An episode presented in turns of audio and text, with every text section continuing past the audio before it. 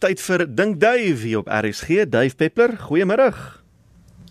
Willem, goeiemiddag. Hallo Marieta K en luisteraars.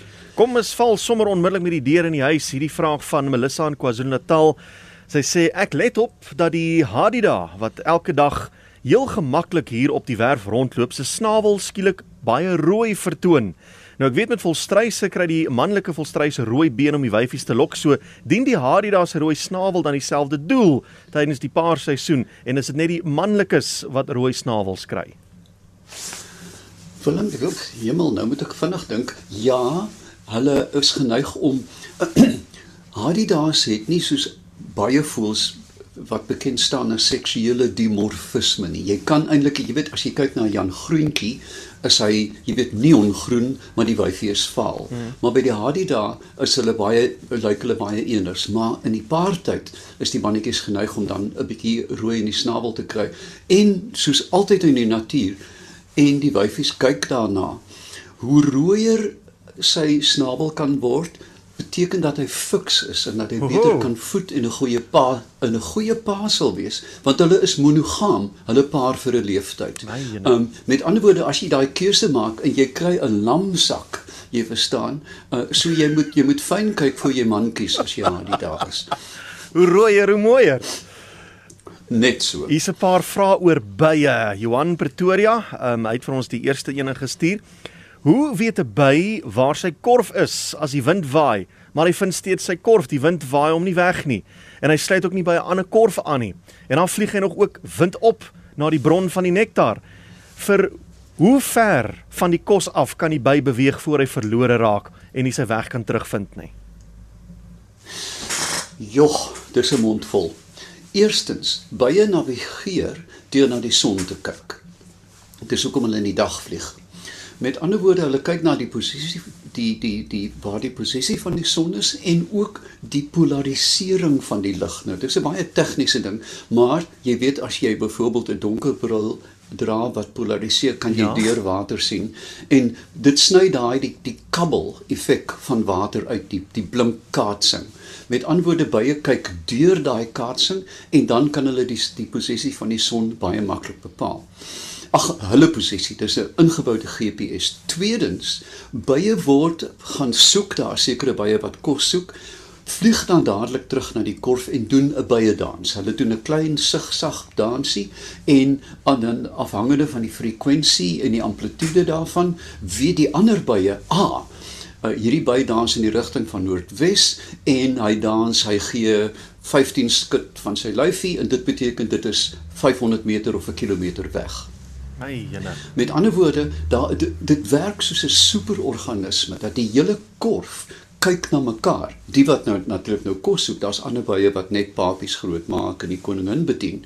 Maar um, deur hierdie dans en die ingeboude GPS wat hulle kyk na die die invalshoek van die son en die polarisering, kan hulle met hiperakkuraatheid kan hulle navigeer. Hoe ver kan dit nie uit die vuis uit sê nie, maar ek sou dink in droë gebiede daar is baie korwe in die name en hulle sal etlike kilometers moet vlieg na water toe. Hmm. En die volgende byvraag is van Lorraine Visser. Sy sê ons het altyd as kinders wanneer ons 'n by sien wat iewers sit en lyk of hy sukkel om te vlieg, om 'n paar druppels suikerwater gegee en dan vlieg hy weg. Nou kan die suikerwater om regtig genoeg energie gee om weer aan te gaan of hy dan maar net probeer wegkom van ons af. Nee nee. Uh, uh, kyk, baie het 'n beperkte leeftyd. Jy weet hulle die die werkers lewe nie lank nie. Ek kan nie die feit sê hoe lank nie. En baie keer, jy weet, raak hulle hulle hulle uh, uh, petroltank eenvoudig leeg, jy weet hulle gaan sit en dan vrek hulle. So jy kan in by, ek weet dit is nou 'n gek ding wees om nou rond te loop met stroop en 'n durper elke dag, maar jy kan 'n by in 'n mate red deur vir hom suikerwater te gee. En ons weet dit uit ons tuinvoerders, nê, as jy vir suikerbekkies water gee uh, of stroop gee, dan uh, kom jy baie dit agter en dan verjaag hulle die voëls. So nee, ja, dit is beslis 'n uh, baie goeie brandstof vir 'n by. Nou goed, van bye na slange. Hierdie vraag kom van Pieter in Meyerton en daar's ons hierdie weet nie of dit 'n mite of wat is nie, maar dat 'n slang se belangrike organe, die hart en die longe en die dinge in die stert sit. Uh is dit so, wil Pieter weet? Nee, allermins. Daar is nog ander, jy weet daar is slange wat snags die koeie leegsuip, maar dan vir my die interessantste een is is daar slange wat as hulle as jy teen 'n berg kom, dan buit hy sy stert vas vorm 'n wiel ah. en rol die berg af. Jy weet daar is 'n einde, die, die Afrikaner volk het 'n ongelooflike ryk mitologie om die slange. Nee, dit sit nie in die stert nie, beslis nie. Um dit sit so, ek dink so 'n derde van die kop se kant af, jy weet, en natuurlike slang uh, het 'n baie aangepaste lyf as gevolg van die vorm, jy weet, in hulle asemhaling en hulle hulle bloedsomloop is alles gerig op hierdie dun buisie, hmm. maar dit sit beslis nie in die stert nie. Hulle drink nie melk uit koeie uit nie en rol op die berge af nie. uh, kom ons beweeg nou hierdie een van Annelie Skeepers in Karedo en sy wil weet waarom raas tarantale so in die nag. Dit kan volmaan wees, dit kan donker maan wees, maak nie saak jy hulle raas in die aande. Goed. Tarantale, net soos hoenders, is groepdiere, né? Nee, hulle vorm 'n trop. Uh gevolglik, hulle funksioneer as 'n groot organisme daar is. Um, en dan is daar natuurlik dominante mannetjies soos jy hoender aan het. En terloops weet hoenders begin so 2 uur voor uh dagbreek kraai en dit laat 'n mens dink dat hulle in die middel van die nag. Want jy dis daai woelige tyd van die nag wat jy nie weet of jy slaap of wakker ja, is nie. Ja. Maar in elk geval, um Met ander woorde dominante voels die die die groot hane van die tarantale is natuurlik ook dan uitkyk wagte byna soos by meerkatte want hulle slaap gewoonlik in bome, jy weet of hulle slaap saam. Gevolglik ehm um, die geringste beweging veral met volmaan. Jy weet as daar iets aan die tak skud of hulle kom iets agter, dan kraai hulle en sê vir die res van die troppies gevaar. So uh, dit is deel van 'n beskerming van die van die trop en die die dominante voels sal dan die eerste kraai of raas dan by terntale. Hier is 'n vraag van Louis af. Maar jy weet ja. Uh, jammer. Ekskuus, nee, gaan voort. Nee nee, jy weet dit is daai verskriklike ding, jy weet as jy wil as jy wil slaap dan klink dit soos 'n kruiwa wiel wat nie olie het nie. Kitchie, kitchie, kitchie. Jy wil na 'n haal geweer gaan haal. Ja.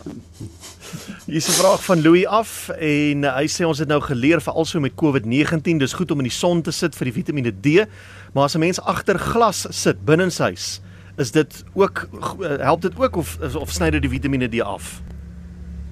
Nee, dit hang af van die tipe glas. Jy weet daar is glas wat wat wat ultraviolet en infrarooi bestand is en dit is word heeldag gebruik in energievriendelike huise. Hmm. Ehm um, wat ek wel wil voorstel is mense wil weet, jy weet Vitamiin D is 'n onontbeerlike vitamien want jy kry ragitis en osteoporose en al sulke goed. Net ook interessant dat jy weet donker velle maak jou nie meer ehm um, geneig om Vitamiin D op. Jy kan met 'n donker vel kan jy ernstige Vitamiin D tekorte hê en veral in ons winter, selfs in hierdie warm land. En ek stel voor dat ek op my webwerf 'n onsaglike interessante uh, storie uh, van professor Nina Jablonski wat 'n praatjie op TED gegee het wat presies verduidelik hoe Vitamiin D werk en hoe jy dit um, kan aanvul mm. deur op die regte tyd in die son te wees agter glas of nie. Oh. Jy weet uh, die ou storie is as jou skaduwee langer is as jy kom uit die son uit. Jy weet uh, nee, ja. uh, intedeel korter ja, is. Ja, ja. Uh, dan dan moet jy dan moet jy koelte kry. En net 'n laaste wenk, ons is baie geseënd in Suid-Afrika dat een van ons beste bronne van Vitamiin D is snoek. Snoek is propvol Vitamiin D. So dis nou 'n goeie uh, punt om te onthou as jou skaduwee korter is as jy kom uit die son uit. Dis nog 'n goeie wenk. Kom uit die son uit. Jy weet hierdie voorteen in die oggend en na 3 mm, in die mm. middag is is dit heilsaam. Ja. Want dan natuurlik weet ons het 'n verskriklike voorkoms van velkanker in Suid-Afrika. Ja. En wel ons velle is net eenvoudig nie aangepas nie. Ons kom uit die noorde uit.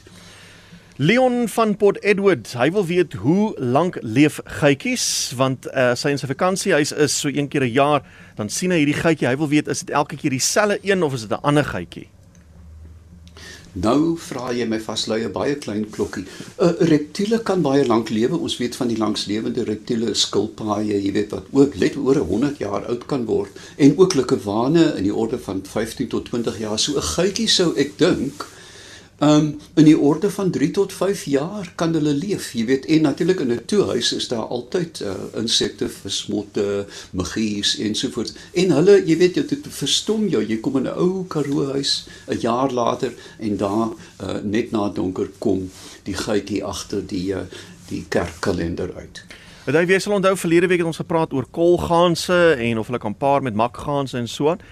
En uh, hierso het 'n uh, luisteraar geskryf en sê na aanleiding oor die gesprek oor die kolgaan se paring met makgaans in 1975 was daar swaar reën oor die noorde van KwaZulu-Natal. My skoonouers het net buite Wasbank geboer. Die 1 mielieland was onder die water en het 'n dam gevorm.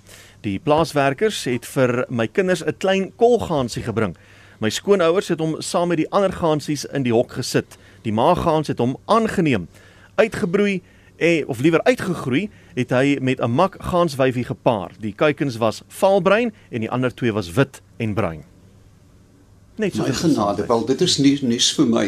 Ja, wat hier gebeur het is netlik 'n klassieke voorbeeld van imprentering. Hmm. Jy weet dat uh, die eerste ding wat jy sien in die lewe, uh, aanvaar jy um, as jou ma.